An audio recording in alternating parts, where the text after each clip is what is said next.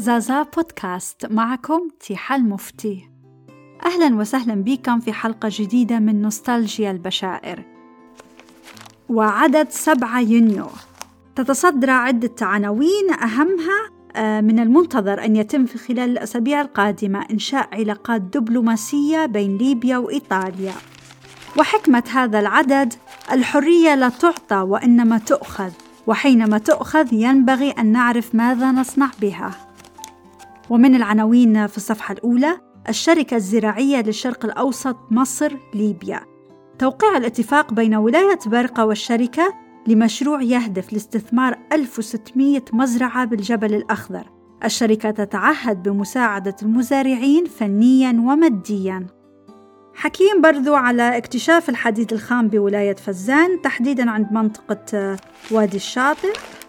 تعريب الجهاز الإداري في برقة. في الخبر هذا حكيم بالتفصيل إنهم فخورين إن اليوم المناصب الهامة في الولاية يتقلدها أبناء البلاد طبعا أصحاب الكفاءة والمهارة. ومن المناصب هذين آه، مدير الأملاك مدير الغابات ومدير تسجيل العقارات.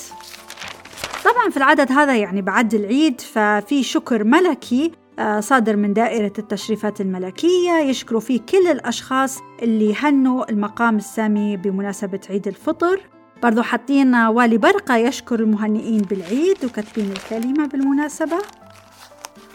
الاحتفالات بعيد الفطر تغمر أنحاء البلاد. في الخبر هذا حكيم بالتفصيل أن كيف بعد صلاة العيد توجه رجال الدولة والأعيان والشباب إلى قصر المنار في بنغازي قصر الخلد في طرابلس ومركز الولاية بفزان بيش يقيدوا أسمائهم في سجلات التشريفات رافعين إلى مقام الملك المعظم تهانيهم الحارة وتمنياتهم الطيبة. وحكين إن في تاني يوم العيد أقامت بلدية بنغازي حفلة بهالمناسبة وحضرها السيد حسين مازق والي برقة وبعض الوزراء والسلك الدبلوماسي والقناصل. وخلال الاحتفال ألقى السيد يوسف لانجي عميد بلدية بنغازي كلمة بالمناسبة هذه. وفي نفس اليوم الساعة خمسة العشية أقام ضباط قوة دفاع برقة حفل استقبال رائع شهدها حضرة السيد الوالي. وكبار الشخصيات العسكرية والمدنية وكان الأمير الألاي محمود بقوتين مدير عام البوليس وبعض ضباط القوة يستقبلون المدعوين بالبشاشة والترحيب. أقامت شركة شل برقة ثاني أيام العيد مأدبة غداء فاخرة بمطعم الماجستيك تكريما للعمال المسلمين العاملين بها وحضر المأدبة السيد لويس البستاني مدير فرع الشركة وطبعا ألقى كلمة رقيقة هنأ فيها السيد لويس المدعوين وتمنى لهم حياة رغيدة وعيد سعيد. ومن أجواء العيد طبعا اللي هي التبرعات والصدقات كاتبين تلقت إدارة الملجأ التبرعات التالية. من السيد الصديق الجيلاني 16 كيلو لحم من السيد الحاج فرج الشكماك 17 كيلو لحم و14 أرز من السيد يوسف بن جراح شاه غنم واحدة من السيد جمال الدين 50 قرش من السيد صلاح فكري 100 قرش من السيد إسماعيل بن إبراهيم 200 قرش وتقدم إدارة الملجأ شكرها للسادة المتبرعين. وفي عدد 14 يونيو العنوان الرئيسي احتفال رسمي بتسليم الراية للكتيبة الأولى من الجيش.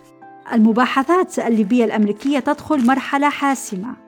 طبعا في العدد هذا تتصدر الصفحة الأولى صورة لجنود الوطن وحماته أثناء قيامهم بالتدريب العسكري في معسكر سوسة وحكين عن تسليم الراية للكتيبة الأولى من الجيش الليبي وأن الكتيبة هذه وصلت بنغازي أخيرا وحاليا أقيمت مخيماتها آه، على أرض الملعب البلدي الذي جهز بالكامل للمناسبة هذه. وفي اليوم الثاني لوصولهم أقام عميد بلدية بنغازي مأدبة غداء باسم المدينة تكريما لهم وأقام لهم رئيس الوزراء مأدبة عشاء وهو من سيقوم بتسليم الراية للكتيبة في هذا الاحتفال نيابة عن الملك المعظم. وخلال أسبوع ستغادر الكتيبة بنغازي. وفي العدد هذا حكيم بالتفصيل عن انتهاء الامتحانات الانتقالية في مدارس برقة. وقايلين كيف أن العملية التعليمية كانت السنة هذه في منتهى الكفاءة والدقة والنتائج رائعة يعني من ناحية الالتزام بالمواعيد والتعاون بين المدارس ونظارة التعليم. حكي طبعا بالتفصيل عليها. الشركة البرقوية لصيد الإسفنج. حكيم بالتفصيل إنهم قاعدين يجهزوا في أسطول لصيد الإسفنج من سواحل برقة.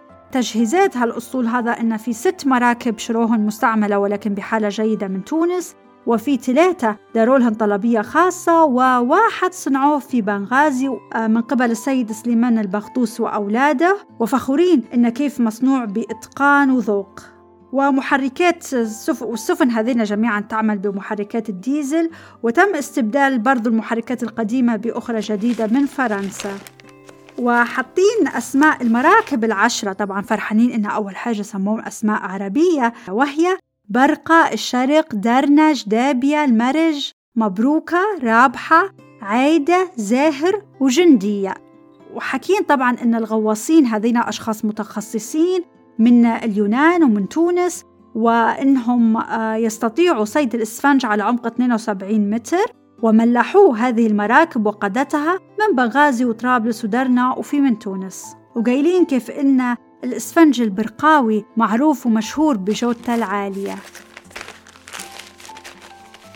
عدد 21 يونيو 54 تتصدر الصفحة الأولى توقع إجراء تعديلات كبيرة بالمجلس التنفيذي لولاية طرابلس.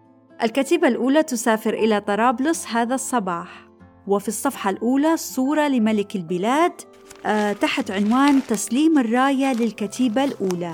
قال مندوب الملك المعظم وهو يسلم الراية لقائد الكتيبة الأولى إني أطلب إليكم أن تفدوها بالنفس والنفيس وأن تحافظوا على تقاليدنا العسكرية المجيدة ودعا الله بالتوفيق.